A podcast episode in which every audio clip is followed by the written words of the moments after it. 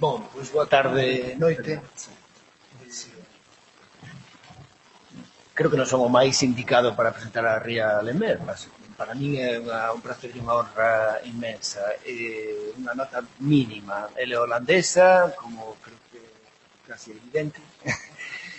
Eh, doutorada pola Universidade de Utrecht eh, con unha tese sobre literatura medieval comparada, é profesora titular de literatura portuguesa e brasileira na Universidade, na Universidade de Poitiers, na França, Bon, comandante da equipa brasileira do Centro de Estudos Latinoamericanos e do acervo Raymond Cantel, de literatura de cordel brasileira, especialista en literatura medieval das linguas románicas e da literatura brasileira do século XIX e XX, en fin, dirixiu pesquisas do proxecto Estudos Comparados en Tradicións Orais na súa relación con o mundo da escrita, abordando questões de xénero, relacións entre oralidade e escrita, entre historia e literatura, en fin, ten orientado doutorandos en tres continentes e aínda ten no presente, contábame eh, agora dos, dos eventos eh, que se preparan e do que ven acompañando eh, tamén ten sido profesora convidada e continua sendo convidada eh, de universidades estranxeiras, latinoamericanas, africanas, e inclusive galegas. Eh,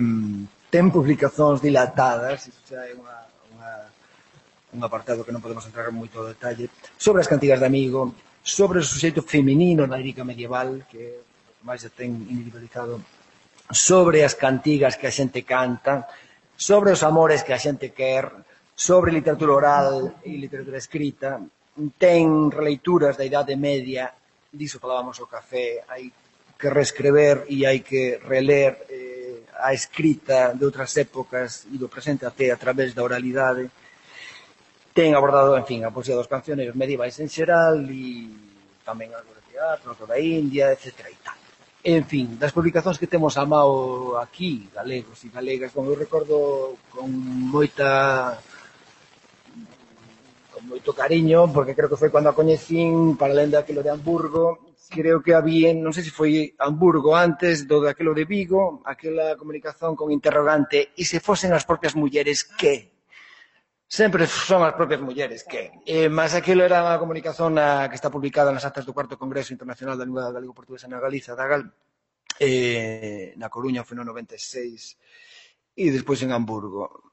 Creo que para além do seu, da súa cualidade intelectual de altos quilates hai unha vertente eh, de cualidades humanas é impresionante que eu sempre neste terreno e noutros valoricei, bon, é, é un placer inmenso tela e é unha grande comunicadora. Tamén ten un libro en Laiovento, Eu canto quen comigo camiña, do 98, e esta maravilla dos Ponte nas Ondas eh, que Socorro Lira, ela preparou os textos da que preparan a ponte de que se falaba agora mesmo da, da relación eh, isto do que falábamos dos palpicazóns con o, con o presente e con as músicas de Socorro Lirio que acompañan o CD eh, un libro publicado por Ponte nas Ondas. Eu agradezo a Santi eh, Veloso que, en fin, ese traballo de tantos anos ese entusiasmo. E ría realmente ven camiñando con a xente de Ponte nas Ondas desde há tempos e eu creo que ainda vai dar algúns frutos moito máis eh, espectaculares eh, en breve. Benvinda, obrigado Santi e todos ouvidos. Muito obrigada, Carlos. Muito obrigada.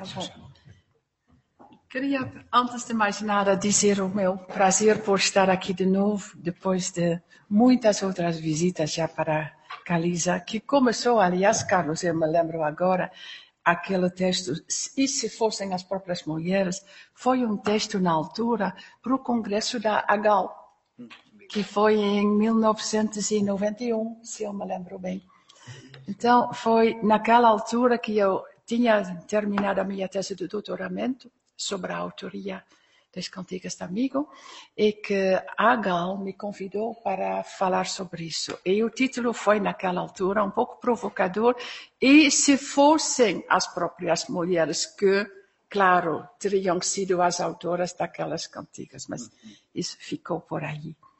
Então, queria dizer o meu prazer por estar aqui de novo num momento em que a Gal já pertence ao meu passado, mas que entrou faz uns anos atrás uma outra organização que associação que propaga muito, faz um trabalho maravilhoso para a cultura galega, que é a Ponte nas Ondas, que está fazendo um trabalho, e eu vou terminar a minha conferência com, com essas indicações, que já está fazendo um trabalho faz 25 anos de, de, de propagação da cultura galega, mas não só galega no sentido estreito.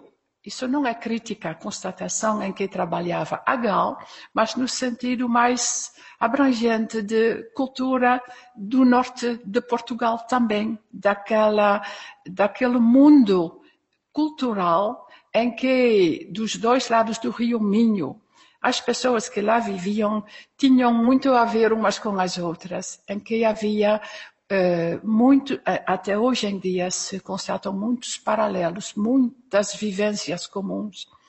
Então, é num momento em que essa ponte nas ondas, que já comemorou os 25 anos agora, um, já está chegando a um, um, um uma, digamos, uma realização dos seus sonhos de outrora, uma realização de, de objetivos que teriam sido ainda difíceis de imaginar há 25 anos atrás. Pode ser muita pouca coisa, mas existe a Euroregião Galiza Norte de Portugal, que se baseia exatamente nessa, nessa consciência de uma unidade que ultrapassa as fronteiras nacionais dos dois países, né? em que a, a, a Ponte nas Ondas acaba de receber um prêmio magnífico por seu trabalho, em que já se apresenta de novo um projeto não, que, não por ser injusto ou falso, ou não sei, mas por ser transfronteiriço, vai ter ainda problemas em ultrapassar as fronteiras nacionais que estão eh, muito fortes ainda nas avaliações dos projetos até da própria Unesco. Então, mas é, são, assim, para a Ponta nas Ondas, já é um momento de realização, de sucesso, que há 25 anos atrás era ainda difícil imaginar. Uh, professor Carlos já falou do livro das cores do Atlântico, que foi que eu consegui com o apoio, a estimulação, o, todos, todo o apoio da Ponte nas Ondas, fazer há uns anos atrás, com a ajuda do apoio financeiro da Junta da Galícia também, sobre as cantigas da amigo paralelísticas. A Socorro Lira, uma famosa cantora brasileira, com a ajuda da Uxia Senle, com a ajuda de outros artistas daqui, eh, escolheu 16 cantigas paralelísticas que ela, conhecendo as sete músicas que foram conservadas, eh, atribuídas a Martin Kodaks, mas que ela musicou bem internacionalmente e bem no sentido do século XXI, com artistas de toda a lusofonia. E que esta semana ou na semana que vem já vai sair em edição brasileira eh, pela editora da Universidade Estadual de Campina Grande também. Então, é esse o primeiro passo. O segundo passo é que estou aqui também para trabalhar com o Xia Senle, porque nós vamos fazer juntas a segunda edição, uh, um segundo volume, a vai escolher 16 cantigas, por sua vez, que ela vai musicar, mas muito dentro da tradição dela, que é uma tradição muito galega, de, das raízes galegas também. Eu vou escrever de novo uma introdução teórica, justificando o trabalho artístico, intelectual que a Uxia vai uh, fazer e vai sair de novo com um outro artista galego que ilustrou as primeiras 16 cantigas, vai sair de novo com CD com artistas que escolhidas pela Uxia e, bom, espero que daqui um ano e meio nós conseguimos de novo fazer o segundo volume. Tudo isso, no fundo, vem de uma descoberta que me espantou na altura, quando comecei a fazer estudos de português. Tinha feito estudos de francês na Universidade de Leiden, mas, numa, eh, mas eu sou de uma, bom, holandesa, de uma tradição bem, digamos, de formação germânica.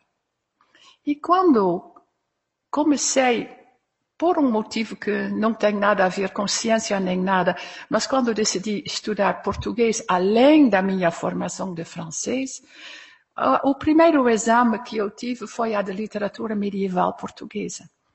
E quando abri o, o livro, o primeiro capítulo, claro, é das uh, cantigas de amigo, cantigas de, mulher, de mulheres.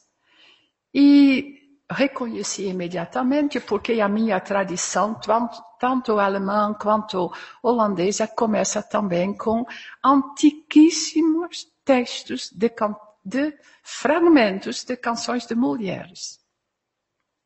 Aqui, eu abri o livro, comecei a estudar, né? primeiro o exame de português, então eu fiquei espantada ao abrir o primeiro capítulo em que o autor explicava que essas cantigas de amigo portuguesas são cantigas escritas por pelos grandes trovadores da época, os quais com uma intuição da alma genial da alma feminina teriam posto aquelas cantigas na boca das mulheres e para elas disserem, as, expressarem as, os sentimentos que aparentemente elas próprias não conseguiam expressar. Foi para mim um espanto total, porque na minha tradição, digamos germânica, nós temos também essas canções de mulheres, muito parecidas, aliás. Tem Servo, tem Ribeira do Rio, tem a, a, a Pinho Verde, tudo isso na, na minha tradição também. Só que nós aprendemos na escola secundária que são anônime Frauenlieder, canções anônimas de mulheres é que essas canções, no decorrer da Idade Média, mudam de, uh, não, que essas canções, que inicialmente nos manuscritos mais antigos são chamados de anônime, Frauenlieder, no decorrer da Idade Média, nos manuscritos cada vez mais recentes, né? não estão mais como nos cancioneiros mais antigos, como cantigas anônimas, mas como, mas serão cada vez mais, mais a gente se aproxima dos tempos modernos, mais vai ser assim, né?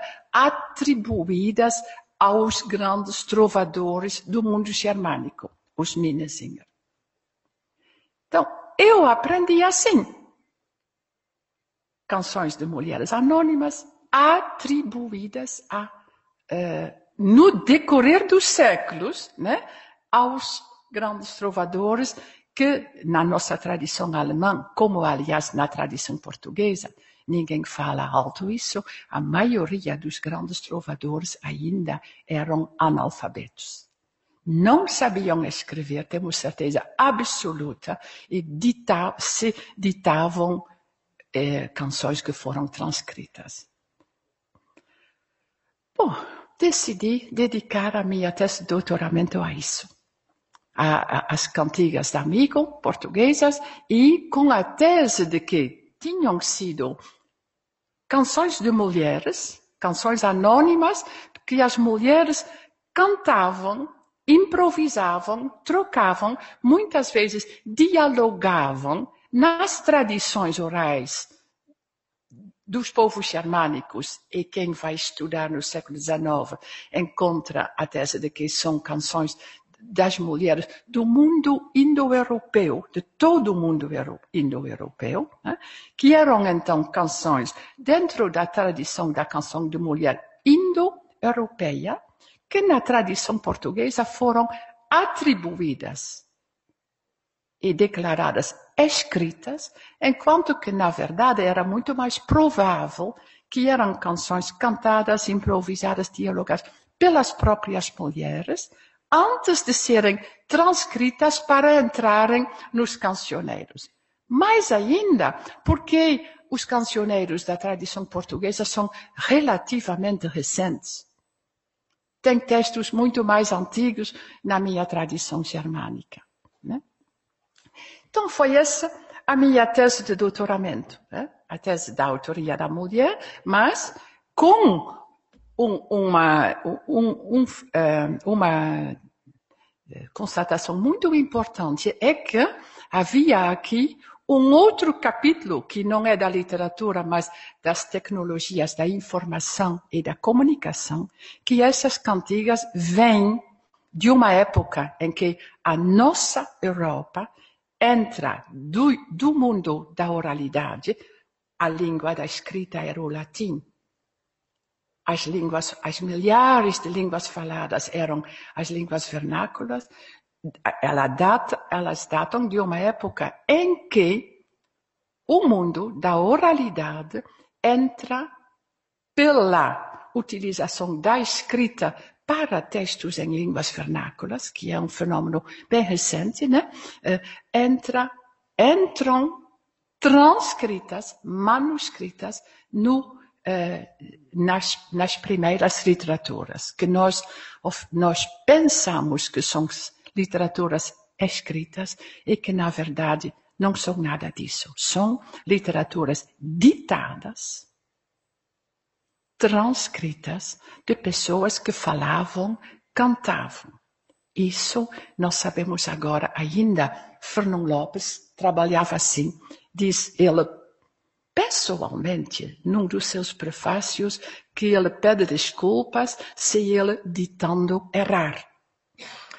O que foi ainda a prática de Michel de Montaigne, quando publica em 1580 os seus essais, ensaios, 1580, eh, a correspondência dele da época eh, fala do secretário que, para o qual ele ditava a sua obra. Então, a nossa concepção de uma literatura medieval como sendo uma literatura escrita é uma concepção totalmente errada. Ela é uma literatura da voz em transição para formas de cada vez mais transcritas, manuscritas, depois escritas. Mas literatura escrita no moderno, sentido moderno da palavra, palavra não existia ainda. Essa concepção, e é por isso que toda a experiência da, da, da, da, da cultura galega, para os anos que vêm, 10, 20 anos que vêm, vai ser capital. Essa literatura, então, eh, vai eh, precisar de uma reinterpretação muito importante. Sendo que dá uma, um quadro de interpretação, a, a, consciência de que aquela, essa literatura foi uma literatura da voz, que foi transcrita, abre um campo radicalmente diferente para a interpretação. E abre o campo para uma historiografia da literatura medieval radicalmente diferente. Isso, neste momento, na minha tradição lá, já as pessoas começaram a fazer. A Holanda está com muitos financiamentos e, o que precisa, está uh, criando, neste momento, a sua sétima história da literatura neerlandesa.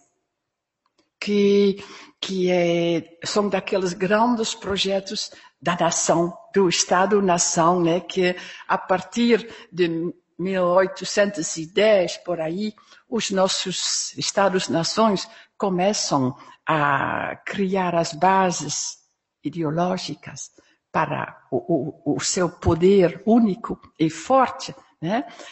É, a partir daquela época, por exemplo, em 1810, cria-se na Universidade de Berlim a primeira cátedra de História nacional alemão, o Estado nação ainda não existe, mas já se cria a primeira cátedra e a primeira cátedra de German, Germanística. Os catedráticos têm como uh, missão oficial criar a história nacional alemã e a história nacional da literatura alemã. Esse projeto, claro que a minha Holanda também teve, nós estamos agora eh, preparando a nossa sétima grande história da nossa literatura nacional.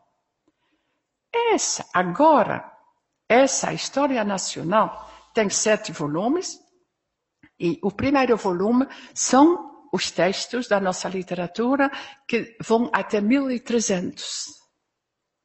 E o título do primeiro volume, deste tamanho, ele é Stemmen op schrift. Stemmen, vozes. Op schrift, transcritas. É o próprio título, o que mostra que existe já uma concepção radicalmente diferente. O que é muito mais difícil para a minha nacionalidade holandesa vai ser isso só na, na oitava história da nossa literatura eh, nacional, mas então vai levar não sei quantos anos ainda. O que é muito mais difícil ainda, eh, digamos, dizer, redigir, é o fato de que quem vai ler aqueles textos encontra-se, confronta-se com um fenômeno que a mim me faz sempre muito pensar na história da Galiza e da, da língua galego-portuguesa. Aqueles textos, da, aquelas vozes transcritas da minha tradição, são, na verdade, vozes flamengas. E, a, e Flandres, atualmente, claro, é uma parte da Bélgica. Isso, na nossa sétima história, ainda não se pode falar. Nem se pode falar que os textos mais antigos, que são cantigas de mulher, são uh, textos uh, feitos pelas próprias mulheres. Há uma linda canção de amor de uma jovem poeta conhecida como poeta pelos documentos históricos, que quando falece o namorado dela, faz uma linda canção de amor, é, Egídios, wo bist du blieben?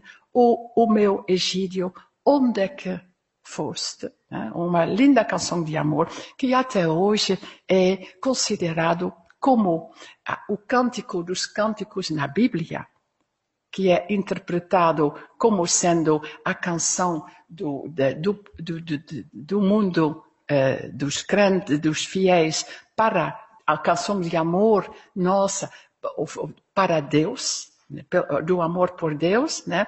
Essa é considerada uma canção de um dos poetas do grupo ao qual pertenceu o poeta, o melhor amigo dele.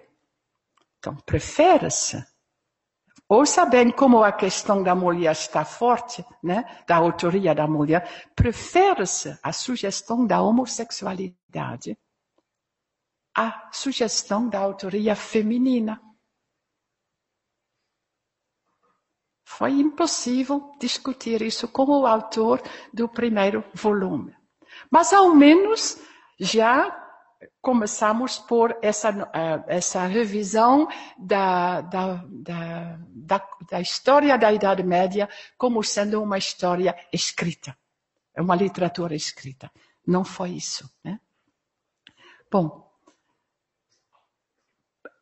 a respeito daquela, daquele outro problema da, das origens flamengas da minha primeira da fase da, da, da nossa história, que para mim tem muito a ver, por exemplo, com a história das cantigas de amigo paralelísticas, que onde a única indicação geográfica é Vigo, não tem nenhuma do norte de Portugal, as únicas são as de, da, daquele mundo daqui. Né? Esse conceito de uma cultura hoje em dia transfronteiriça? Que, que, a minha história, na verdade, está as raízes estão em Flandres. Esse conceito de que a história da literatura medieval está mal escrita, também pelo fato de ela ficar até agora, de que ela ter sido inventada no século XIX como uma história nacional, eh, como legitimação da, de um, uma política que estava aos poucos organizando os Estados-nações, que precisava, dentro dessa política, de uma língua nacional, de uma história nacional, de uma história da literatura nacional. Esse conceito está muito questionado também neste momento eh, no mundo, digamos, das línguas germânicas. Há um catedrático de, da Universidade de Berlim, que se chama professor Tervoren, que ele redigiu recentemente uma nova história da literatura dos nossos mundos, por assim dizer, a partir do conceito da unidade cultural, que é, no fundo, o conceito galego-português, né? Galiza, norte de Portugal. Porque ele foi à procura da unidade cultural da qual vêm todos aqueles textos e descobriu que tanto na, no primeiro capítulo da história da literatura alemã, quanto no primeiro capítulo da história da literatura holandesa, existe, existe essa ambiguidade. Que, na verdade, aqueles textos da nossa primeira fase não têm nada a ver com a nossa capital, Amsterdã, não com a capital Berlim, lá na Alemanha, mas tem a ver com uma unidade cultural que tem a ver com a existência, eu estou pensando no Rio Minho, com a existência de dois rios. O título daquela maravilhosa história dos inícios daquela cultura, daquela história da literatura, que na visão dele é a história da literatura antes e pós-nacionalista, é Van der Maasen tot op den Rijn.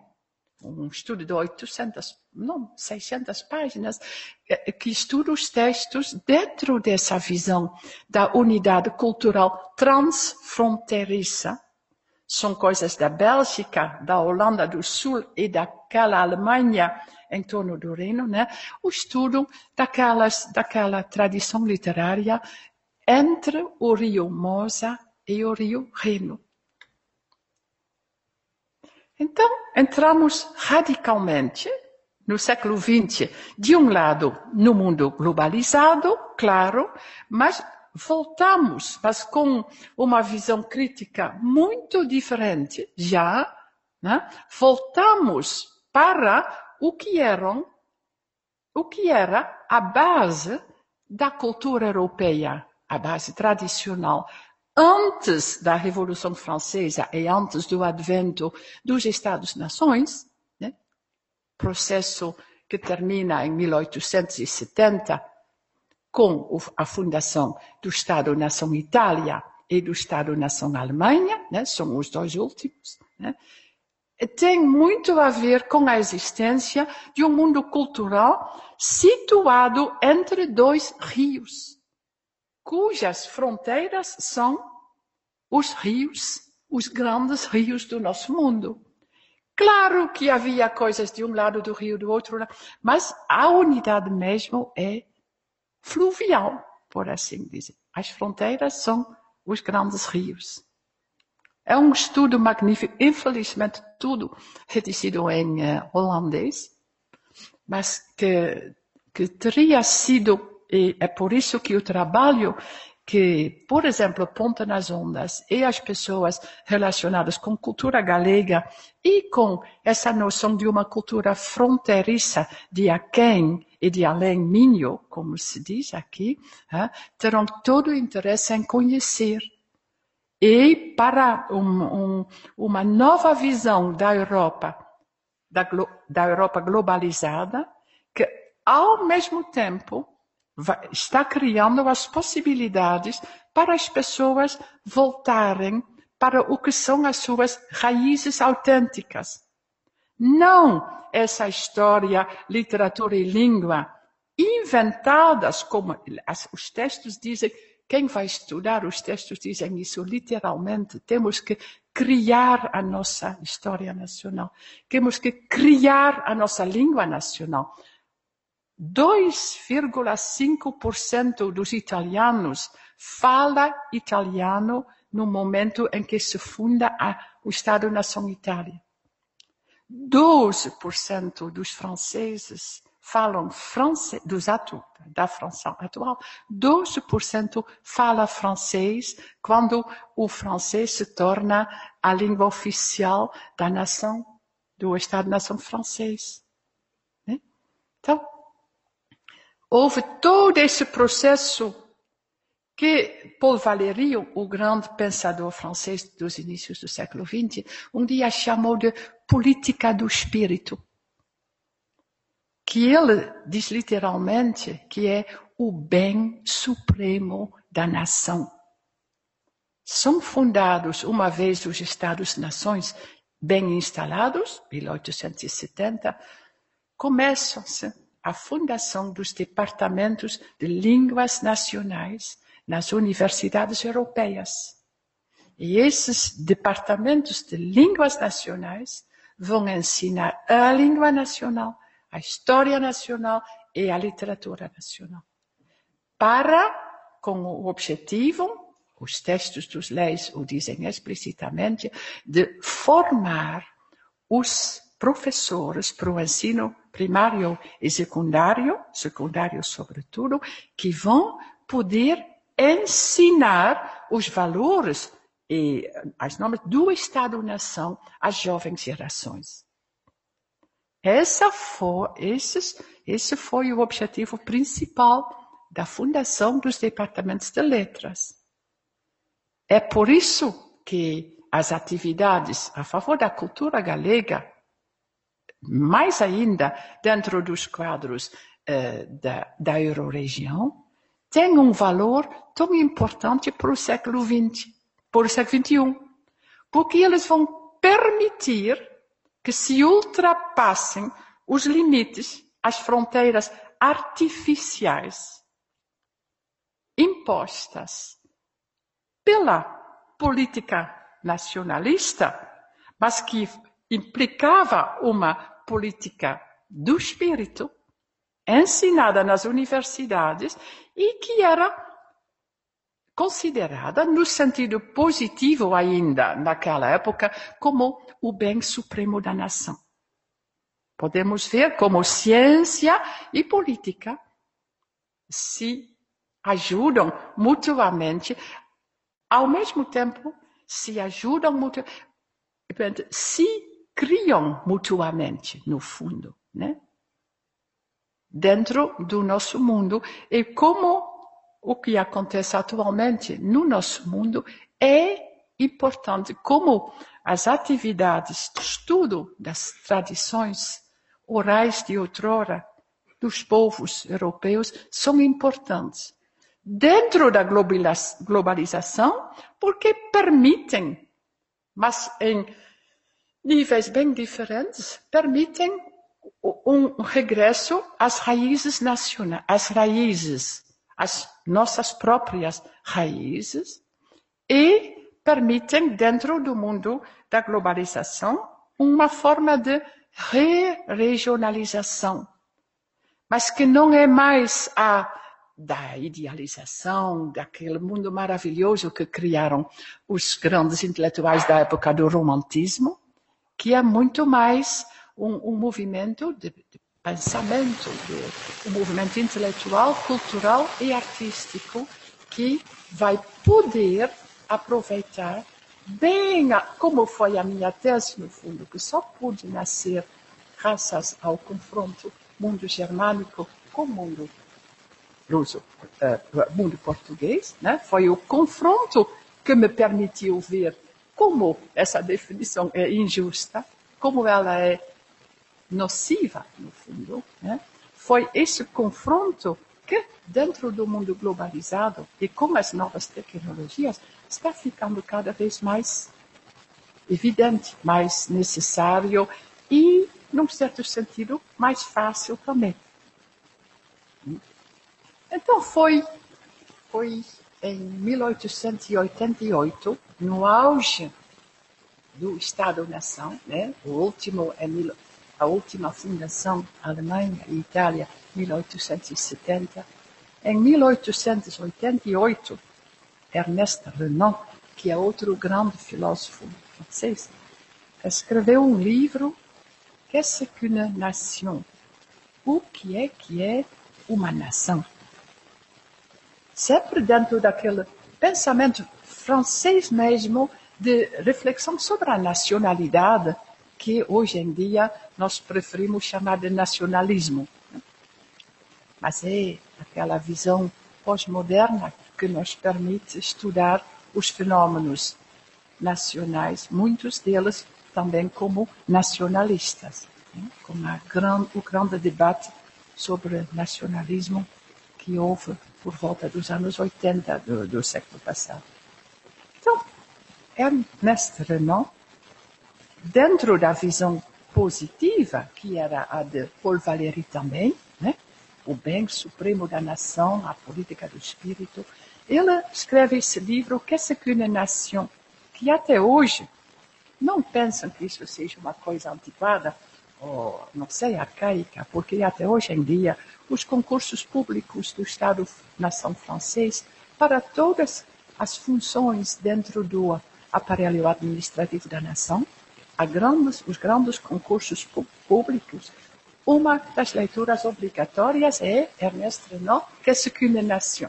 Então, é da altíssima atualidade, todos os anos, para todos os jovens que querem ingressar, no, ser funcionário do Estado. Né? Então, ele escreve, o livro é bonito, vale a pena ler e pensar um pouco mais sobre isso. Ele diz, num dado momento, que para criar uma verdadeira nação é preciso aprender muito e esquecer muito. E ele dá exemplos interessantes também na lei que instaura na Holanda o ensino da história em 1878. É, é, são as mesmas indicações, o que os alunos vão ter que aprender e o que não vale a pena, que vale muito a pena, mas que não vale a pena. Né? Então, ele diz que para, para viver bem dentro das fronteiras do Estado-nação, para ser um bom cidadão, o cidadão tem que aprender muito e tem que esquecer muito. Bom, aprender, nós sabemos o que é, o que foi porque nós aprendemos todos os dias, né? Uma língua nacional, uma história nacional, uma historiografia, uma literatura nacional.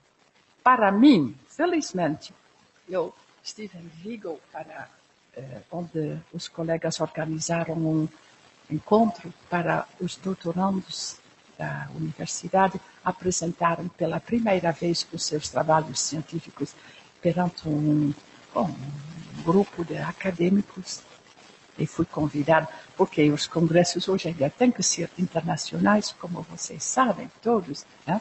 Fui convidada com um colega italiano e com uma colega brasileira para comentar os trabalhos deles.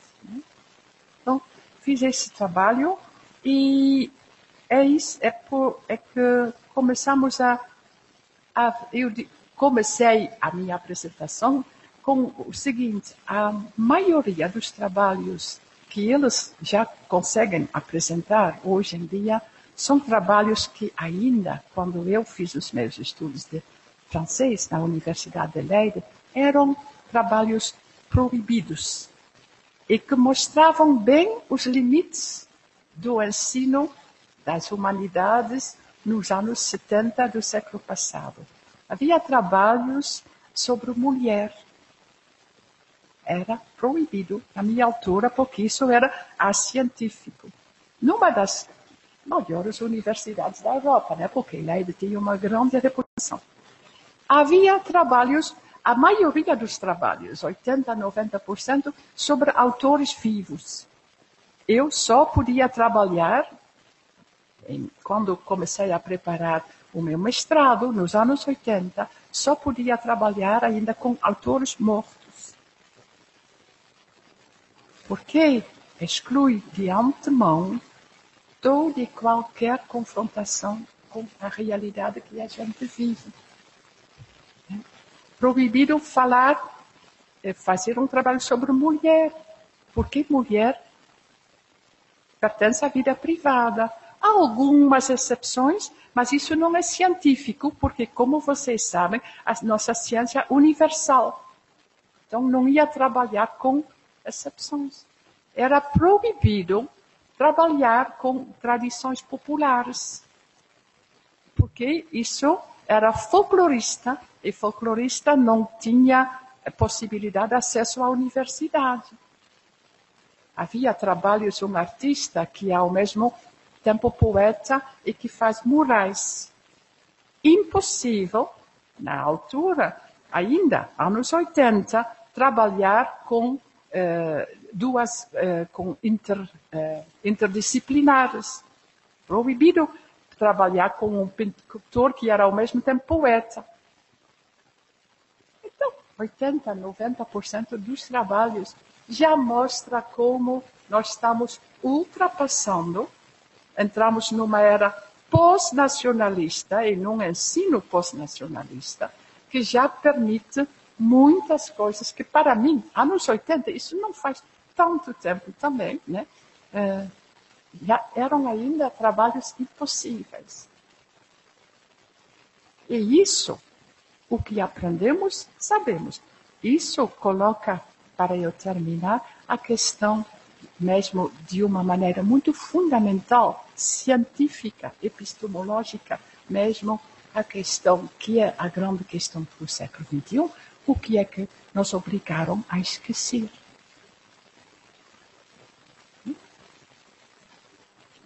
Ou, como as minhas cantigas da amigas, da amigo, o que me foi ensinado para obliterar a memória daquela voz de mulher que não podia se ouvir como sendo voz de mulher. Porque a mulher, menos ainda, porque a outra parte da minha tese foi, eu só tomei os 100 cantigas de amigo paralelísticas. Né? Que de qualquer jeito a autoria é um, uma coisa muito complicada, sendo que são cantigas dialogadas. Então, quando há numa descarada, por exemplo, atualmente ainda, quem é o autor? São dois, porque a poesia é dialogada. Então, todas as canções dialogadas que estão nos cancioneiros medievais, escárnio, maldizer, uh, cantigas de mulher, também algumas de amor, todos estes, estes textos dialogados colocam de uma maneira muito radical essa questão da autoria. São atribuições a um autor, porque o próprio diálogo, eh, como na desgarada do ainda esta cultura tem a comprovação da minha tese, né? São sempre dois. Um bom, uma boa desgarada precisa de dois bons poetas. Se só for um, o melhor não, não funciona muito tempo. Então, é exatamente o que foi esquecido e ou, ou no caso das minhas cantigas de paralelísticas, ou no caso da, da, da tensão de escárnio e maldizer, foi exatamente o que foi esquecido ou obliterado pela interpretação, que se torna, de repente, para a revisão pós-modernista, pós-nacionalista das nossas literaturas, o essencial. E é isso aí que é por isso que, como Socorro Lira, nós fizemos este livro. Ele não é livro, ele não é so, só sobre autoria. Ele é também sobre a interpretação das cantigas. Quem for ler, fiz com o Chia, fez com Socorro, fiz com Socorro, quem for ler as 100 cantigas paralelísticas como um gênero, né? como aprendemos na nossa formação, quem for ler essas 100 cantigas descobre que aquelas mulheres dentro que cantam não são coitadas, choronas, sempre tristes, infelizes, sempre traídas por homens, sempre infelizes, o que também é um pouco estranho, né? Mas então descobre que na verdade essas mulheres não se colocam nas cantigas como vítimas passivas de injustiças e infidelidades masculinas eternas. Elas se colocam, o verbo mais utilizado nas cantigas é ir, eu vou. Elas se colocam como pessoas que procuram ativamente o seu namorado, que falam sob forma de metáforas do desejo feminino e da necessidade de satisfazer o desejo amoroso. Então, lá é outro aspecto do, do livro e outro aspecto que quem for ver, fazer a historiografia de uma maneira diferente, como o exemplo que dei da jovem holandesa que canta essa canção de amor para o, o, o namorado que faleceu, descobre também um outro tipo de mulher, sexualmente ativa, determinada, sabendo o que quer fazer e por que vai fazer, e então descobre também uma realidade, uma cultura diferente, que ela também tem muito a ver com a cultura indo-europeia que houve no resto, como aqui no resto da Europa. E que mostra que as mulheres, contrariamente ao que nos foi ensinado, na verdade, não foram sempre o que elas eram consideradas pela sociedade burguesa desde finais do século XIX, eh, eh, passivas, eh, sempre à espera, ah, aqui na Espanha, as jovens ficavam no primeiro andar né, para ver passar o namorado embaixo. Esse tipo de. Então, é, é por isso que, sendo que aqui na Galiza houve todo, faz tão, já desde Martins Sarmiento, século XVIII, nós temos tantas provas, tantas indicações da voz da mulher, da voz compositora e cantora poetisa né, essa poesia. Como no estudo de Carolina Michaelis de Vasconcelos, que faz em 1904, publica o Cancioneiro da Ajuda, sim, que é um cancioneiro medieval exclusivamente dedicado à canção de amor. É o que nós aprendemos na nossa formação, que só são, são só cantigas de amor. Na verdade, quando Carolina, Dona Carolina faz a edição crítica, ela faz em dois enormes volumes, né? um volume de introdução, um volume de texto, com todos os comentários filológicos da época. Aliás, Carolina também veio da tradição alemã, de Carolina Michaelis, né? o, casada com o primeiro professor de História da Arte de Portugal. Né? Mas ela tinha a formação alemã. É isso que, com certeza, fez com que ela viu aquelas cantigas de amigo e diz nas correspondências dela que ela vai publicá-las eh, com o título O Livro das Donas. O Livro das Donas. Então, quando ela faz o Cancioneiro da Ajuda, uma uma obra magnífica. Curiosamente, e estranhamente, até na verdade, ela tem dois capítulos, o sétimo e o oitavo, mais de 200, dois capítulos enormes, mais de 200 páginas, em que ela fala da num livro sobre o trovador, cantiga de amor e essas coisas, dois enormes capítulos em que ela fala da mulher poeta na Península Ibérica. Na, na é. São só provas, 200 páginas de provas da existência de mulheres cantoras, cantadoras na Península Ibérica. Sobretudo, a maioria dos exemplos, quem for estudar vai confirmar, aqui da Galícia.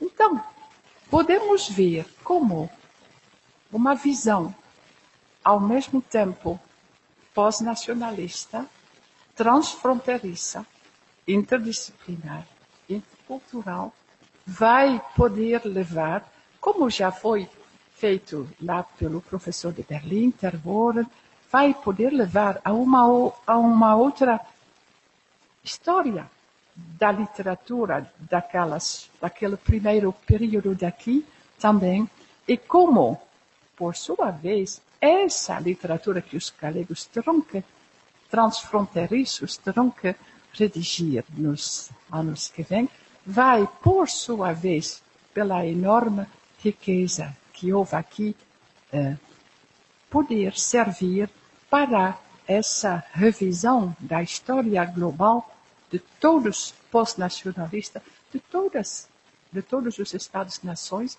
da Europa. É por isso também que é tão fundamental, por exemplo, o projeto eh, do patrimônio imaterial, porque é esse que vai colocar a realidade, a história galega, no quadro, no, no patamar eh, europeu que nós estamos precisando cientificamente para poder redigir, enfim, histórias mais científicas, objetivas, menos politizadas, menos política do espírito, talvez, do que são as nossas até agora. Bom, foi isso.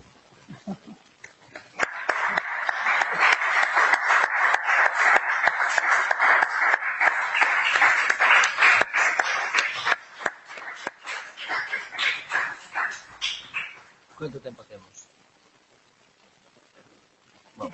cabe unha pregunta que eu creo que escolleu un lugar eh, o corazón o sello da Cultura Galega para enfatizar esta vez eh, un aspecto que estivese aquí Ramón Díaz e tal, eh, daría moito xa vos a reflexión sobre a manipulación cultural eh, que se fai desde o punto de vista ideolóxico e que aquí tamén e, e que tamén con a literatura medieval eh, no seu conxunto sucedeu sí. na construción do galeguismo moderno. Mas, bom, eh, non sei se hai alguma pregunta da, da entusiasta plateia. Sí.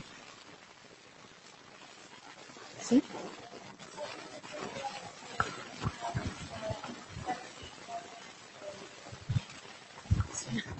Sabe por casualidade se na Galiza está existir algún movimento de novos investigadores que intenten pois reescribir esta historia a respecto das mulleres? Olha, nós falamos sobre isso em Vigo também e eh, eu me dei conta de como no mundo românico essas coisas são muito mais difíceis do que no mundo germânico. Por muitos motivos, o romantismo foi românico.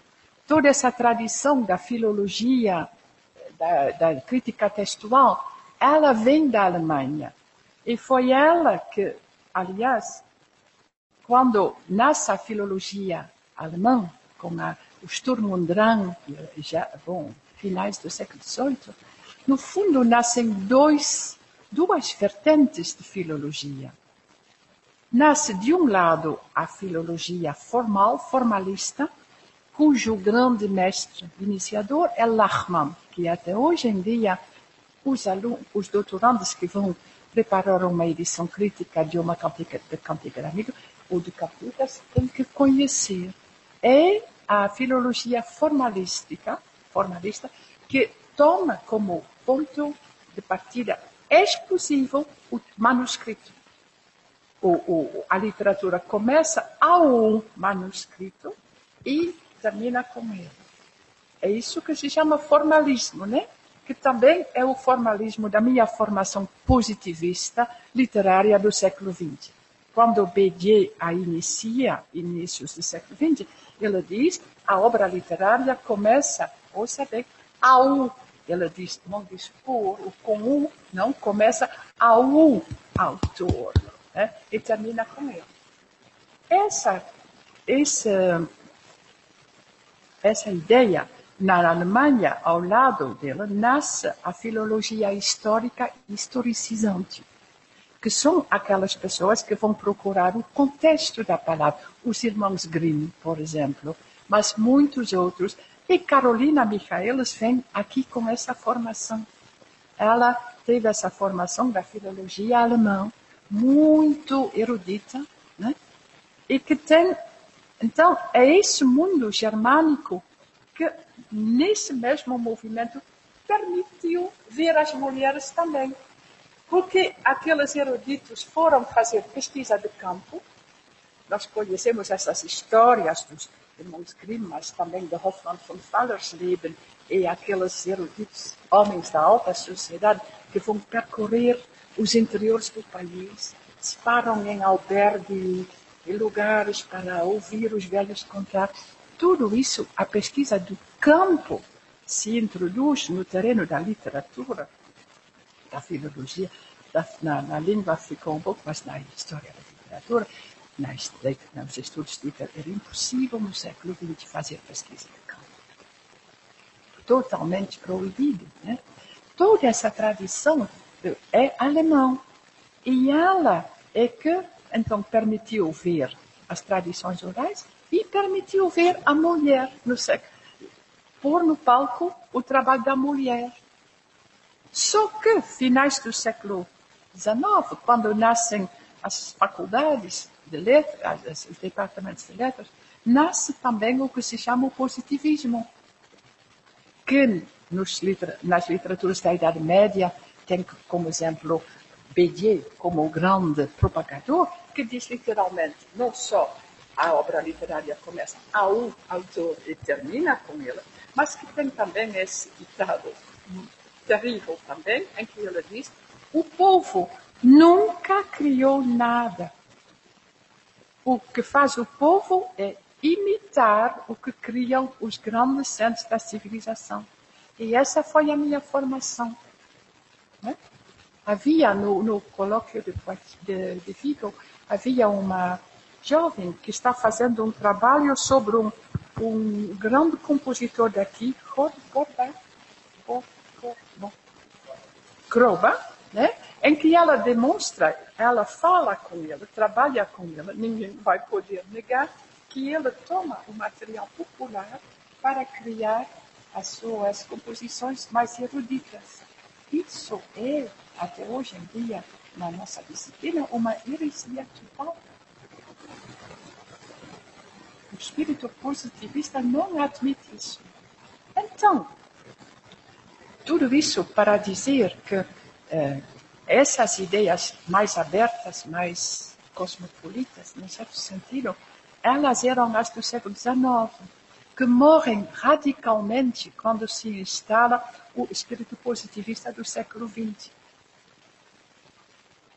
E esse espírito positivista tem também a ver com a guerra franco-alemã de 1870, porque ele nasce logo depois, quando os franceses, grandes Gaston Paris, Maillard e tantos grandes eruditos, decidam que vão retomar o poder dos estudos homéricos da Bíblia e das grandes literaturas, que foram dominados por eles durante o século XVIII Pois eles perdem esse poder e estatuto com o romantismo e as escolas alemãs, e depois, com a Guerra Franco-Prussa, muito mais ódios ainda do que existiam antes, eles dizem abertamente nos textos deles que a França tem que retomar o poder e introduzem um espírito positivista que ficou nosso quase até hoje. Né?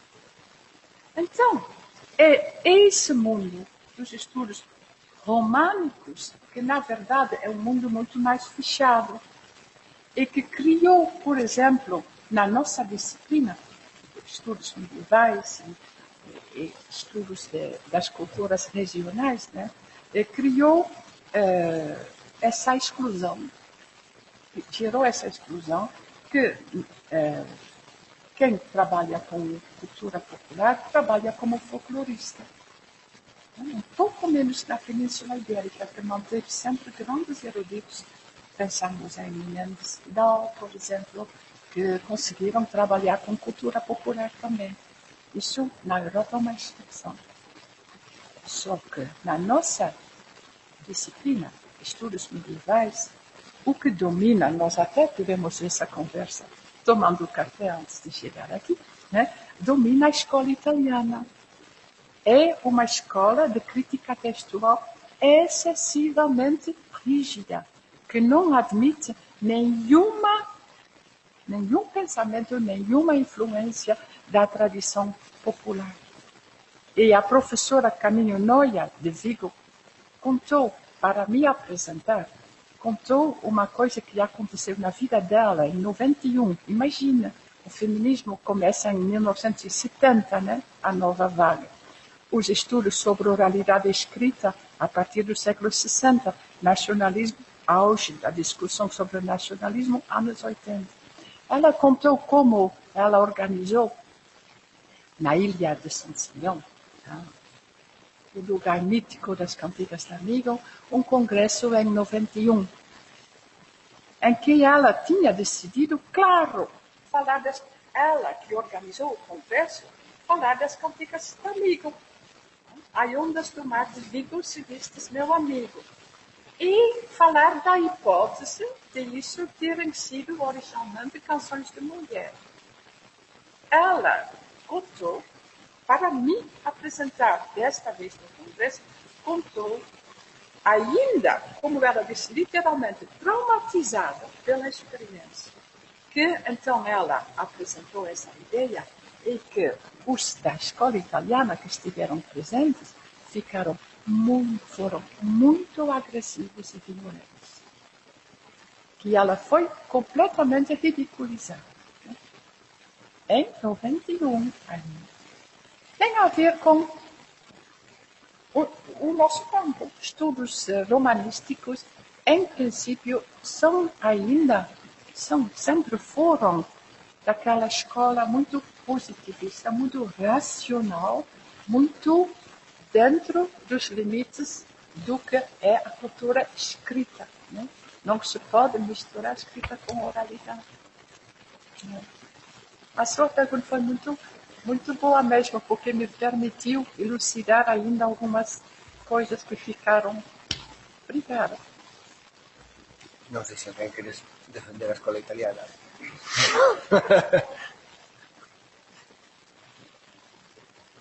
Não, mas até agora, até porque estava das, eh, os organizadores tinham combinado exatamente essa possibilidade de confronto, porque veio a grande figura da crítica textual atual da Itália, o professor Massot. E foi decidido exatamente para os alunos poderem exatamente comparar e ver o confronto que nós até defendíamos com muita força as nossas posições, mas ele próprio confrontou. Nós conversamos muito, brigamos muito, foi lindo, lindo, lindo mas ele próprio disse que, na verdade, o grande defeito da escola italiana é ela excluir e desprezar fundamentalmente o popular, o texto oral. Ele, o próprio representante maior da escola atualmente confirma, né? Sim. E, por que só?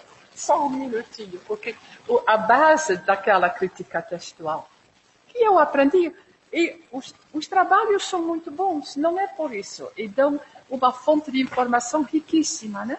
Não é, eu não quero, como eles fazem com a oralidade, rejeitar, desprezar, humilhar. Nunca acho que isso é uma atitude fundamentalmente uh, nociva para todos nós. Tem que respeitar, estudar e tentar compreender.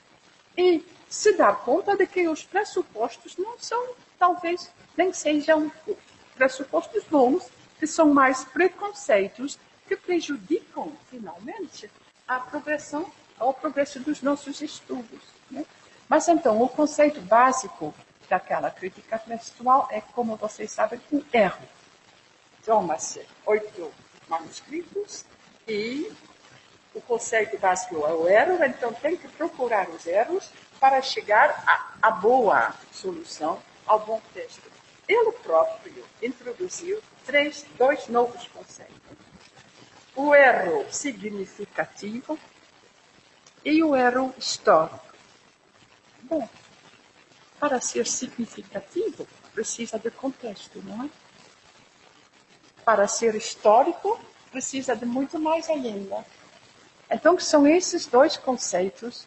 Foi muito, foi, foi muito divertido mesmo a discussão. São esses dois conceitos que mostram que, exatamente, que abrem o caminho ou a porta para uma uh, revisão crítica também daquele método devagarinho, né? aos poucos, mas estamos chegando. Bom, supoño que non temos tempo de entrar en profundidades o conceito de autoría. Eh? Entón deixámolo aquí. Ah. Bom, pois, pues, un placer terte aquí e volta sempre.